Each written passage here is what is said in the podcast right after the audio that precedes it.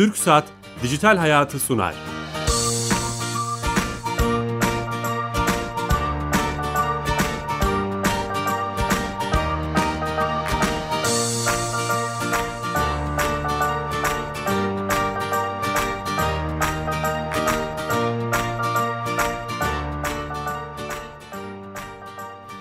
Dijital Hayat'a hoş geldiniz. Her cuma TRT Radyo 1 mikrofonlarında internet, teknoloji ve sosyal medyanın hayatımıza etkilerini konuşmaya devam ediyoruz. Bu hafta e, geçen haftalarda Davos'ta gündem olan 4. Endüstri Devrimini konuşacağız. Bu devrim ne anlama geliyor? Detaylarını, hayatımıza etkilerini, olumlu olumsuz onları konuşacağız. Çok değerli bir konuğum var. E, kendisini İnci Sözlük kurucusu Serkan İnci olarak tanıyoruz. E, ayrı, ayrıyeten e, internetin hayatımıza etkileriyle alakalı çok güzel yazılar ve çalışmalar yapıyor. Hoş geldin Serkan. Hoş bulduk merhabalar. Nasılsın? Teşekkürler. Siz nasılsınız? Sağ olun. Ee, senin radyo ve televizyon tecrüben de var. Evet aslında. Güzel, güzel bir sohbet olacak umarım. Öncesinde e, TürkSat'a bağlanacağız. TürkSat e, bizim e, sponsorumuz. Türkiye Gov.tr'nin e, yapımcısı biliyorsunuz E-Devlet Kapısı hayatımızı hı hı, çok kolaylaştıran bir yapı. Sanırım hatta kendisi Tuğsan Bey. Merhabalar. Nasılsınız? Sağ olun iyiyim. Siz nasılsınız Bilal Sağ olun teşekkür ederim. Ee, bu hafta hangi özelliği bize anlatacaksınız? Bu Hazine Müsteşarlığı'nın bir hizmetinden bahsediyor olacağım. Aslına bakarsanız kendisi Hazine Müsteşarlığı tüm sigortacılık işlerinin e, yürütmesini ve e, kanuni düzenlemesini yapan bir kurum. Evet. E, dolayısıyla ilgili şikayetleri de e, eşit mesafede e, alan bir kurum. E, şu an EDF kapısı üzerinden sigortacılıkla ilgili yaşadığınız tüm şikayet başvurularınızı E-Devlet üzerinden online yapabilir durumdasınız.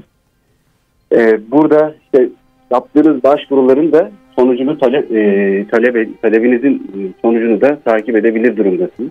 Yani kısacası oturduğunuz yerden örneğin bir kasko ya da trafik poliçenizle ilgili sıkıntı olduğu çalıştığınız firmayla e, burada başvuruyu devlete işte hazine müsteşarlığına yapıp o ilgili soruşturma yapıp size cevabını verebilir durumda. Tüm özel sigorta şirketleri dahil değil mi buna? Tabii ki, tabii ki. Tek bir noktadan zaten yönetiliyor.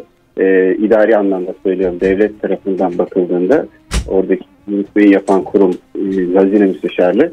E, buradaki e, sizin şikayetinizi de e, resmi bir şikayet olarak algılayıp devlet kapısından aldığınız, e, aldığınız yaptığınız şikayeti resmi bir şikayet yerine koyup soruşturmasını yapıp cevabını da size iletiyor. Süper bir hizmetmiş. Elinize sağlık.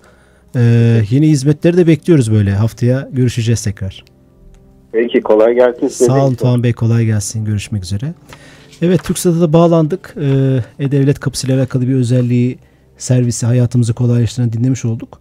Şimdi hemen konumuza girelim istiyorum. Şöyle bir yazı okumuştum.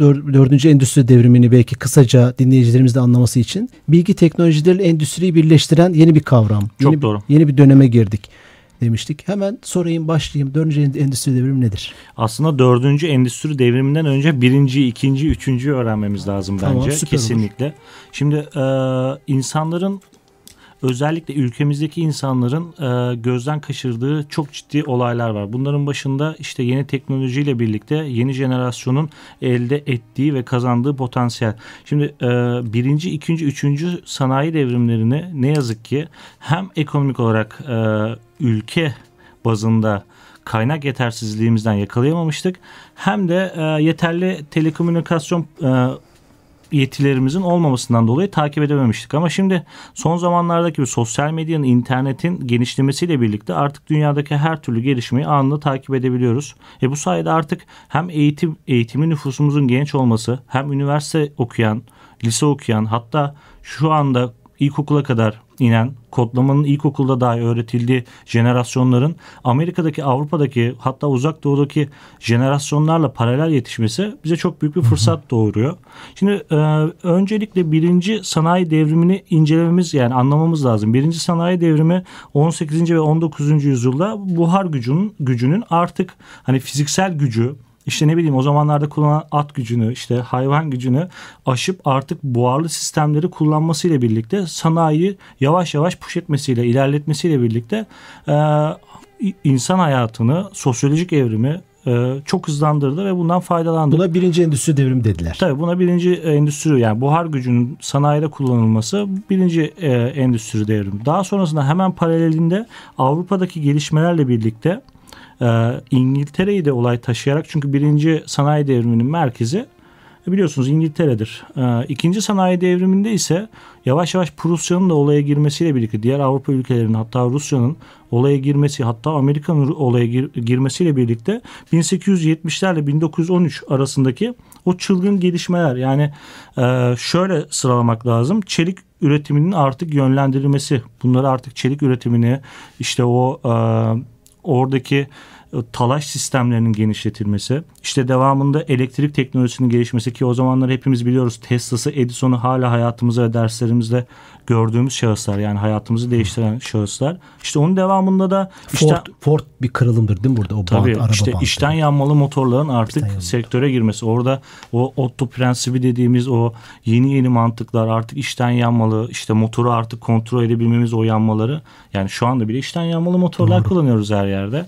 İşte onun devamında da e, Atlantik ötesi telgraf sistemi artık yavaş yavaş iletişim de artık borsa sistemleri Amerika'daki borsa artık Avrupa'dan Londra'dan kontrol edilmeye başlaması. Onun devamında da işte radyo gibi şu anda bulunduğumuz teknolojilerin gelişmesi. İkinci sanayi devrimi. İkinci sanayi devriminin devamı ve e, temelini oluşturdu.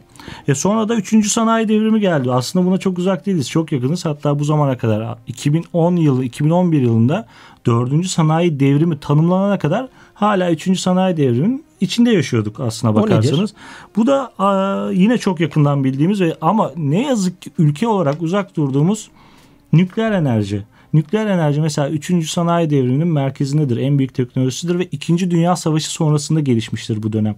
2. Dünya Savaşı'nda o e, o heyecan, o hırsla birlikte insanların o emperyalist ülkelerin emperyalist ihtiraslarıyla birlikte geliştirdiğimiz insanlığın geliştirdiği teknolojiler aslına bakarsanız. Nükleer bunun merkezindedir. Devamında sentetik maddeler vardır yine günümüzde her yerde kullanılan ve hayatımızı çok ciddi değiştirmiş. İşte onun devamında da bilgisayar teknolojisidir ki şu andaki dördüncü sanayi devriminin de temelini oluşturur.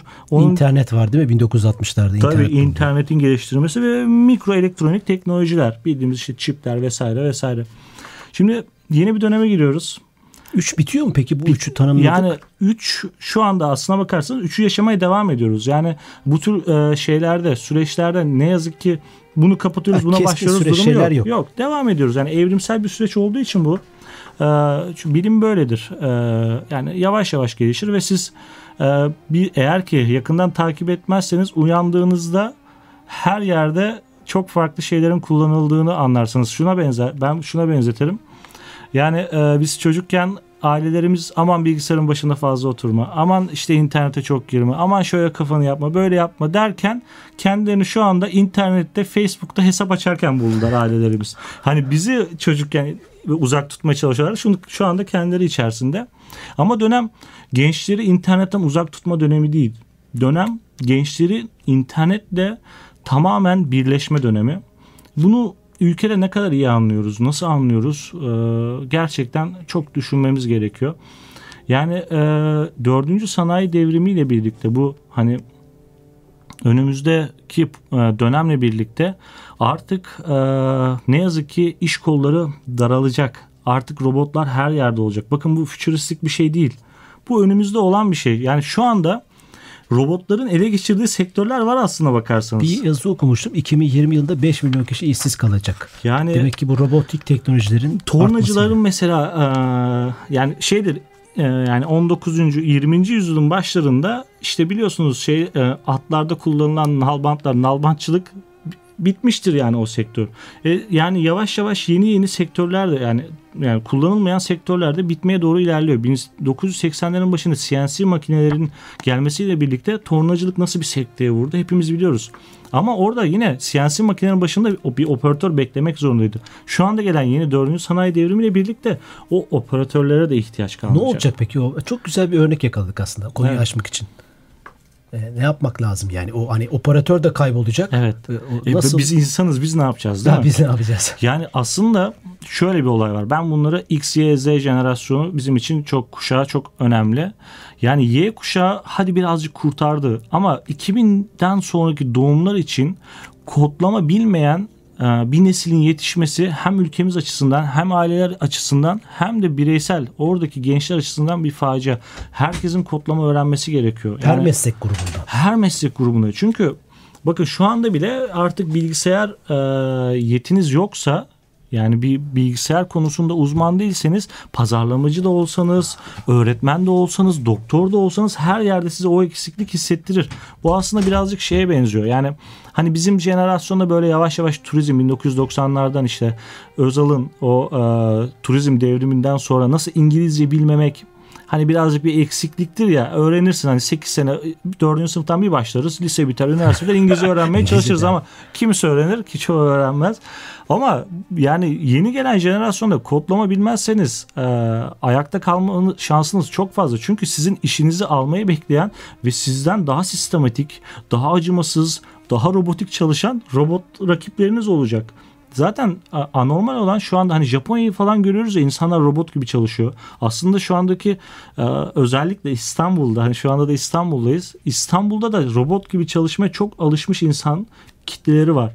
Bu aslında çok anormal bir şey ve bu hani anormalliğin anormal olduğu önümüzdeki 10 yılda ortaya çıkacak. Biz şunu diyeceğiz ya biz robot gibi nasıl her gün o kadar çok seri şekilde çalışıyormuşuz diyeceğiz. E, bunu anlamın yani anla, yani şu anda görerek anlamak ve buna e, hazırlıklı olmak çok farklı bir şey. Hı hı. E, bununla karşılaştığımız anda aman Allah'ım biz şimdi ne yapacağız demek çok farklı bir şey. Bundan Ama şimdi endüstri, endüstri, dördüncü endüstri devrin denen şeyin biraz olumsuz yanlarından bahsetmiş evet. gibi değil mi? İşsiz kalacağız, evet. eyvah robotlaşıyor muyuz vesaire. Bunun insanlığa faydası hani e, ne olacak? Ortak kaynakların kullanımı vesaire gibi. Yani şu anda ım, paylaşım ekonomisi dördüncü endüstri devriminin aslında en güzel şeylerinden bir tanesi. Mesela çok güzel bir yere temas ettik. Paylaşım ekonomisi e, özellikle bu internetin gelişmesiyle birlikte artık hani araç kullanımını dahi ortak yapabilir hale geliyoruz. Bu daha da sıklaşacak. Artık tüketimlerimizi de yani çok fazla tüketiyoruz. Çok fazla bilinçsiz tüketiyoruz ki bizim kültürümüzde biliyorsunuz hani e, böyle gereksiz tüketmek hani şeydir. Yani hoş karşılanmaz yani evet, bizim israf kültür denir. israf denir yani buna. E şimdi bu kültürü ne yazık ki bu e, geçmişteki 100 senede yaşatamadık böyle. Ekmeği yarım bıraktık, ne bileyim bol bol yakıt kullandık, kısıtlı enerji kaynaklarımızı e, çok gereksiz şekilde israf ettik. Şimdi paylaşma ekonomisiyle birlikte Mesela ee, Airbnb'den bahsediliyor. Bir paylaşma ekonomisi örnek midir? Yani marka verebiliyorsak Airbnb'ye tabii ki e, örnektir. Hatta onun devamında e, yani Uber de bir paylaşım ekonomisinin merkezindedir hatta. E, yani şu, biliyorum şu anda bizi dinleyen taksiciler de vardır ama Amerika'da şu anda taksi sektörü bir tane uygulamaya inmiş durumda ve herkes taksicilik yapabiliyor. O uygulama sahibi olan ve araba sahibi olan herkes taksicilik yapabiliyor. Herkes e, yani taşıma yapabiliyor. Bu da ha, siz arabanızla bir yerden bir yere gidiyorsanız ve müsaitseniz o Tabii. sisteme dahil olup beni buradan al diyorsun. Zaten artık lokasyon temelli e, şey e, biliyorsunuz GPS'ler vesaire telefonumuzda olduğu için yeriniz gözüküyor ve sizi gelip e, kullanıcı yerinizden alıp e, paylaşılabilir bir ekonomiyle Muhteşem birlikte şey. e, yapabiliyor. Şu anda Amerika bu sistemi oturttu. Yani Uber yaklaşık 30 milyar doları geçmiş bir değerlemeye sahip. Ya bu çok çılgın bir para ki bizim Türkiye'nin en büyük şirketi diyebileceğimiz Tüpraş, e, Tüpraş isim verebiliyorsak yine. Yani değerlemesi sanırım şu anda e, 10 milyar dolarlar civarında. E, yani bir yazılım 3 katı onun yani. Ve yani daha absürt bir örnek vereceğim ki bunu çoğu kişi şu sıralar veriyor. Biz 2 sene önce konuşuyorduk bunu. WhatsApp 10 kişilik bir ekibin kurduğu bir mesajlaşma ya. uygulaması. Yani 10 kişilik ekibin çıkarttığı değere bakar mısınız? Tam 10 milyar dolara satıldı. Bu e, Facebook 10 milyar 17 milyar dolara satıldı. Yani gördüğünüz üzere bu da şey değil hani yanlış anlamayın o telefonunuzda uygulama var çok güzel e, rengi çok iyi veya e, ne bileyim işte ismi çok iyi diye o değerde değil. Çok güzel bir yazılım var onun arkasında. Bir teknoloji var. Yazılım var çünkü. Doğru yazılım var. Doğru potansiyel var ve arkasında durulmuş finans kaynakları var. Bakın şimdi e, Veci Hürkuş'u hepimiz biliyoruz değil mi? Evet. Üzülüyoruz. İşte Allah'ım niye o fırsatları kaçırdık? Niye uçak fabrikamızı kapattık? İşte devamında devrim arabaları. Üzülüyoruz. Bunlar 3. sanayi devriminin merkezi. E, yani şimdi 2005 yılında kendi arama motorumuzu yapmak üzereydik. Yaptık genç girişimciler vardı. Arkasında durmadık. Kendi arama motorumuz kapandı. Şu anda bir Amerikalı arama motoru bize hizmet veriyor Türkiye'ye. Hatta şu anda aramızın çok kötü olduğu Rusya. Rusya'nın bir arama motoruyla e, yani idare etmeye çalışıyoruz. Ve biliyor musunuz yani bütün kişisel dijital verilerimiz şu anda hiç yerini dahi bilmediğimiz serverlarda arşivleniyor. Bu çok büyük bir güvenlik açığı demek. Çok büyük bir geleceğimizi tehlikeye atan e, açık demek, potansiyel demek ve bunların nerede kullanılacağı belli değil. Belki fütüristik gelecek ama şu anda 10 yaşında WhatsApp'ta işte ne bileyim arama motorlarında, Facebook'ta mesajlaşan bütün isteğini, kafasının işte nelere yatkın olduğunu, nereden hoşlandığını arkadaşlarına anlatan ilerideki başbakanımız veya genelkurmay başkanımızın tüm verileri şu anda Amerika'daki ya. veya Rusya'daki e, data serverlarda tutuluyor. Ama şu an bana bir şey olmaz deyip bütün her şeyimizi paylaşıyoruz. İşte yani bana yani geçen sene biliyorsunuz bir buçuk gün boyunca elektrik sistemimiz çöktü. Evet. Hala ne olduğunu kamuoyu bilmiyor. E burada bir bana göre yani bizim takip ettiğimize göre hacking e, olması, bir hacklenme olması yani enerji sistemimizin, elektrik sistemimizin Birkaç hacklenmesi. uzman böyle söyledi dediğiniz gibi. E, yani şimdi elektrik sistemimiz bile dijital yazılımlarla birlikte hacklenebiliyorsa ki bundan yine çok yakın bir süreçte dünyanın en büyük şirketi olan Aramco hacklendi. E, biliyorsunuz yani dünyanın enerji e, en büyük enerji şirketi hacklendi ve günlerce günlerce haftalarca sistemini kurtarmaya çalıştı. Evet. Şimdi biz de aynı potansiyele sahibiz. Aynı tehlikedeyiz. Artık sevmeyenlerimiz çok fazla. Artık bölgemiz kutuplaşıyor. Yani ki kutuplaşan bölgelerde bizim karşımızda konumlanan ülkeler hadi bunu ismini de söyleyelim. Mesela Çin diyebiliriz bence. Ee, Rusya diyebiliriz. İran diyebiliriz. Gerçekten elektronik harp konusuna çok odaklanmış ülkeler. Ve biz de yani Türkiye olarak ne yazık ki siber güvenliğe çok fazla önem vermiyoruz. Daha geçtiğimiz günlerde ODTÜ... Yeni yeni farkındalık oluşturuyor yani, veya öyle değil. Ama senelerdir ha. bunu aslında şey yani artık bağırıyoruz, çağırıyoruz. Gene olumsuz bir şey konuştuk ama. Ama ya Fark ediyor musun? Gerçekten ama örnek almamız açısından birazcık öyle ya. Yani çünkü üzülüyoruz bunlarla karşılaşınca. Olumsuzu söyleyince de örnek alınabilir bir örnek çıkıyor. Çünkü biz birazcık yaşamayı e, yani yaşayarak öğrenmeyi seven bir milletiz. Hmm. Bakın şu anda mesela yine 4. sanayi devriminin en büyük etkenlerinden olan drone teknolojisi. E, haldır, haldır geliyor. Amerika'yı Amerika'da artık e, lisans alıyorsunuz değil mi? Yani uçurabilmek için lisans almanız lazım ve artık büyük e-ticaret siteleri vesaire paketleme servislerini dronlarla yapmaya kadar geldi. E biz de terör bölgesindeyiz biliyorsunuz sınırımız falan çok fazla. Şu anda mesela Bayraktar gibi yerli firmalar çok çok inanılmaz e, teknolojiler geliştiriyorlar yerli imkanlarla. Birazcık daha arkasında dursak, birazcık daha sermaye desteği olsak. Yani şu an dediğim gibi başlangıcındayızdır onun. 5 sene bu işe odaklansak 5 senenin sonunda aa Türkiye drone teknolojisinde iyiymiş algısını dünyada oluşturmamız çok kolay. Ve böyle bir algı bizi her yerde e, götürür. Biliyorsunuz Japon dediğiniz zaman ne aklınıza geliyor?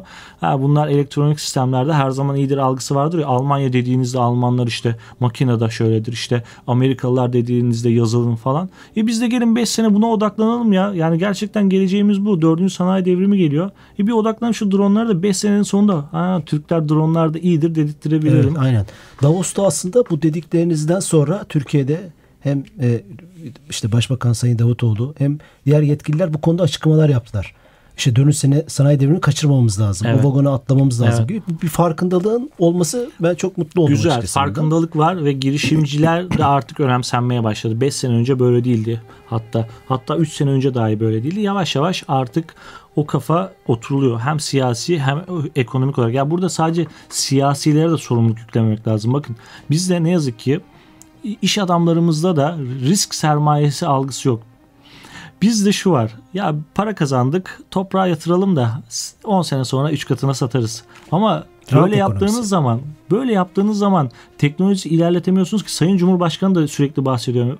Diyor ki faizleri indirmemiz lazım. İndirmemiz lazım ki nakit olsun, bankalardan faizsiz paralar çekilebilsin daha düşük faizlerle. E bunlarla da girişimci insanlar bir yerlere yatırım yapabilsin. E şu anda da onun böyle tam böyle e, sıkışma noktasındayız. Ben eminim ki çok böyle birden bir patlama olacak. Çünkü 20 milyon nüfus, 20 milyon genç nüfusumuz var. Bu hani şey değil ya. Böyle şaka değil. 20 milyon ilkokul, ortaokul, liseye giden Müthiş insan sayısı. Şimdi bunları hani kodlama dedik ya bunları kodlamayla yetiştirdiğiniz zaman bunlara ya siz ha, tamam minibüsçülük de güzel bir meslek ama okey ya kodlamaya da yönelim. Bakın hani burada da çok güzel potansiyel var ve gelecek jenerasyon bu kodlama üzerine e, şekilleniyor dediğiniz zaman bu ülkeden çıkabilecek şeylerin e, haddi hesabı olmaz ve biz gerçekten yaratıcı bir e, Aa, şeyiz eyvallah. milletiz. Bir de çok ilginç hani dediniz ya şey e, hızlı dönüş. Şimdi Evet. mesela WhatsApp'ın kaç senelik mazisi vardır? 5 senelik 5 varsa- senede 20 milyar dolara Tabii. yaklaşık işte bir diye şu an daha fazladır. Facebook, Twitter gibi daha 10 senelik Evet, evet. hayatımızda olan şeyler veya 7-8 senelik. Demek ki aslında belki bizim o çok sevdiğimiz inşaat, rant ekonomisi gibi altyapı, üst yapı hizmetleri kadar kıymetli bir şey aslında bilgi Tabii ekonomisi. ki, tabii ki canım çok kıymetli ve şanslıyız. Coğrafyamız bizi bu işe itiyor. Yani çevremize bakıyoruz. Suudi Arabistan yani Suudi Arabistan'a kadar aşağıya sarktığımızda veya Tataristan'a kadar yukarıya gittiğimizde hatta Almanya'ya kadar gittiğimizde bir Türk nüfusu veya Müslüman nüfusu var aşağılarda ve buralarda bizi gerçekten Seven, seven ve topluluklar var. bizden ürün talep eden Ha. kitleler var. Yani şimdi bakın Rusya diyoruz. Şunun Sovyet- için mi söylüyorsun? Çok önemli güzel bir yere geldim. Hı hı. Belki bir katkı olur diye söylüyorum. Yani biz e, yapacağımız mecralarda, platformlarda Türkiye'ye kısıtlı kalmamamız e, lazım. s- yani Orta Doğu, o e, işte Balkanlar. Orta Asya, Balkanlar bizim ürünlerimizi kullanabilir hani. Kullanmak- Amerikalılar kullanmasa bile. Bunu Tabii mu tabii demek kesinlikle istiyorsun? zaten Amerika'yı hedeflememiz lazım. Onlar şu anda bir, başka bir çağdalar. Anlatabiliyor Evet, muyum? evet, Gerçekten çok ileride. Bakın Koç'un da bu konuda bir sözü vardı. Şöyle de- demişti.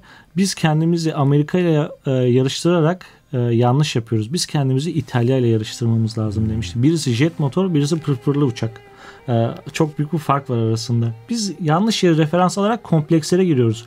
Ama bakın biz şöyle bir şey. Şu anda harekete geçmezsek Yine zamanında olduğu gibi Almanya, Fransa, İngiltere Amerika'daki teknolojiyi kopyalayacak. Biz eğer ki durduğumuz yerde durursak bize gelecekler diyecekler ki bakın benim şöyle bir mesela Silikon Vadisi örnek verelim. Şu anda Almanya'da, İngiltere, Fransa'da Silikon Vadisi yok. Ama Almanya Silikon Vadisi oluşturabilmek için Türkiye'deki coder gençlere de dahil dijital kafaya yakalamış gençlere de çok kolay vize veriyor. Gelin bende bu işi yapın diyor. Şimdi bu adamlar Silikon Vadisi'ni kopyalarken biz kopyalamazsak 5 sene sonra gelip bize diyecekler ki "Ee, bizim Silikon Vadimiz var. Gelin size de bunu öğretelim. Ama %75'i bizim olsun, %25'i sizin olsun. Hadi sizin yetişmiş elemanlarınız da burada tekniker olsun. Her zaman düştüğümüz tuzak. Ve biz hani gençler olarak bu işin yani çok yakın takip ediyoruz. Üzülüyoruz böyle. Yani arkadaşlarım Almanya'ya gidiyor. Neden? Neden yani gidiyor? Niye burada destek bulamıyor? Ne, burada değiştirmemiz gereken ne? Sürekli buna kafa yoruyoruz. İnternette sürekli bunlarla alakalı makaleler, bir şeyler yazıyoruz. Karalıyoruz yani. Gidiyoruz üniversitelerde konuşmalar yapıyoruz. Yani umudum var. Çok var hem de umudum. Dediğim gibi 20 milyon insan ya. 20 milyon genç. Hepsi bizim jenerasyon böyle. Ve bu insanların kafası gerçekten çok çılgın. Ya mesela kendi ailelerimizden düşünelim. Ee, benim babam mesela Amerika'da yani gençken 10 yaşlarındayken yaşadığı ortamla Amerika'daki babamın yaşıtının yaşadığı ortamı düşündüğümde gerçekten bir uçurum var. O adam elektro gitarla rock grubu kurmaya çalışıyorken babam da ya işte okulumu bitireyim de bir şey olayım işte memur olayım böyle vizyonuyla ilerliyordu. elime alayım. Aynen. Ailemden işte şey aileme yardımda bulunayım vesaire. E şimdi yeni jenerasyonun elinde akıllı telefonlar var. Amerika'daki adamın da elinde akıllı telefon. Onun elinde bilgisayar var. Bizde de bilgisayar Çizgide var. aynı değil. Aynı Aynıyız. yani. Ve bakın şimdi e, sosyal medyada birazcık hani bunun mizahını çeviriyoruz. Biz daha çok mizah tarafındayız ya. Evet. E, ya Caps diye bir şey yarattı Türkiye'deki gençler. Yani Caps diye çok farklı bir kültür. Anlatabiliyor muyum? Amerika'daki adamdan tamamen farklı. Onlarda mesela mim diye bir kültür var. Ama aynı zamanda çıkarttık. Çünkü aynı tool'lara sahiptik. Aynı bilgisayarlara, aynı internete sahiptik. İnternetimiz yavaş olsa da onlara dahi. hani onu da söylemek lazım. E böyleyken e, yani yapabiliyorken bunu görmüşken daha hızlı ve daha teşvikkar işlerle e, çalışmamız gerekiyor diye düşünüyorum. Süper. Aslında dördüncü en- endüstri devriminden konu şuraya geldi. Biraz girişimcilik ruhu. Aynen. Hep oraya gidiyor değil mi E, Zaten ama yani sanayi demek, iş demek, güç demek, girişimcilik demek. Ya bakın bizde ne yazık ki e, tamam bu zamanla güzel bir olaydı ama e, devlet radyosunda da olsam bunu söylemem gerekiyor. yani umarım odaya dalmazlar şimdi hava çık çık çık diye. Yani biz birazcık devletçi kafadaydık. Yani devlet yapsa da, devlet hastane kursa da, devlet fabrika kursa da girsin girsek çalışsak hani emekli olsak sonra erken erken 45-50 yaşında işimize baksak. şartları var yani babamı veya bir önceki nesili suçlamıyorum o anlamda. Başka güvenceleri yoktu sanırım. Ya yani. tabii ki öyleydi ama ben birazcık daha suçlu, suçlar pozisyondayım. Şimdiki e, bizim dönemimizde bu işin böyle olmadığını anladık. Yani girişimcilerin aslında kutsal olduğunu e, o hani elindeki her şeyi riske atan adamların emek sömürmediğini yani tabii ki eleştirilir yani farklılaştırılır ama girişimci adama işveren adama da bu benim emeğimi sömürüyor vizyonuyla bakmak artık birazcık haksızlık. Yani çünkü senin ülkende sermayedarlar olmadığı zaman, ülkende zenginleşme olmadığı zaman ne yazık ki Sivas'taki, Ardahan'daki e, çocuk elektro gitar çalamıyor çocukken. Amerika'daki çalıyor çünkü onun ülkesinde Mark Zuckerberg var. 200 milyar dolar serveti var. Bill Gates var. Anlatabiliyor muyum? Bunun gibi Steve Jobs var. İşte ne bileyim Elon Musk var.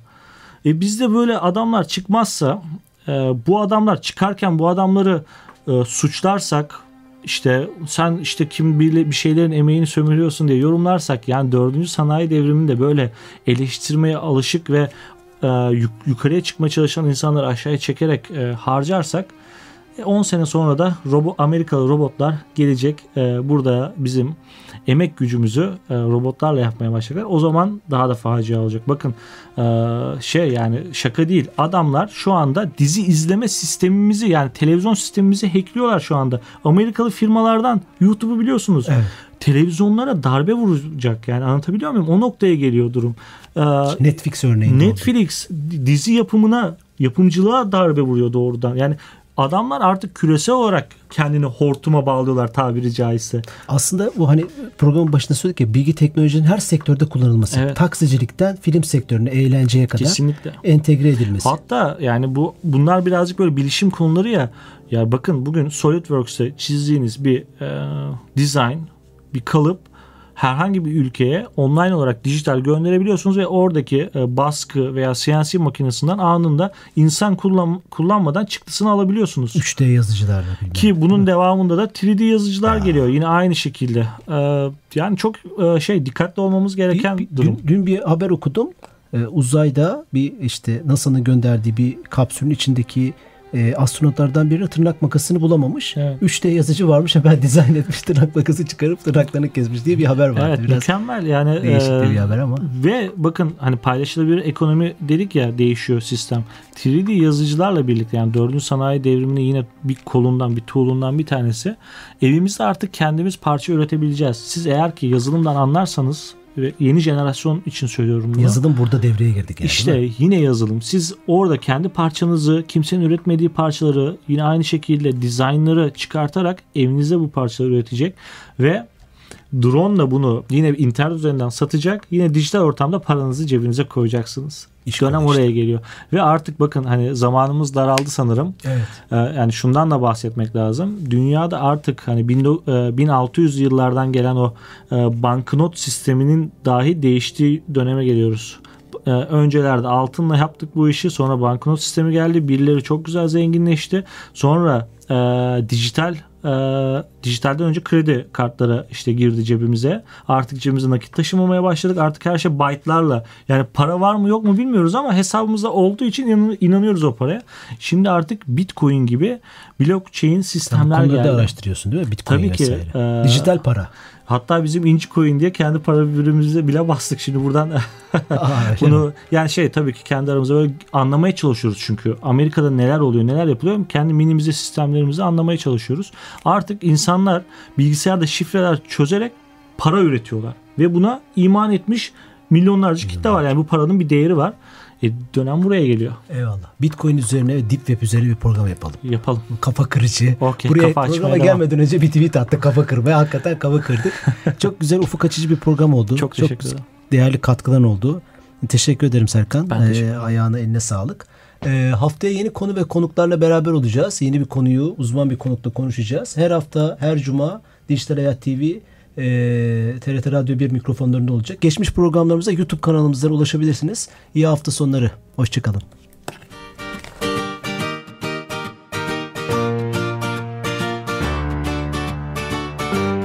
Türk Saat Dijital Hayatı sondu.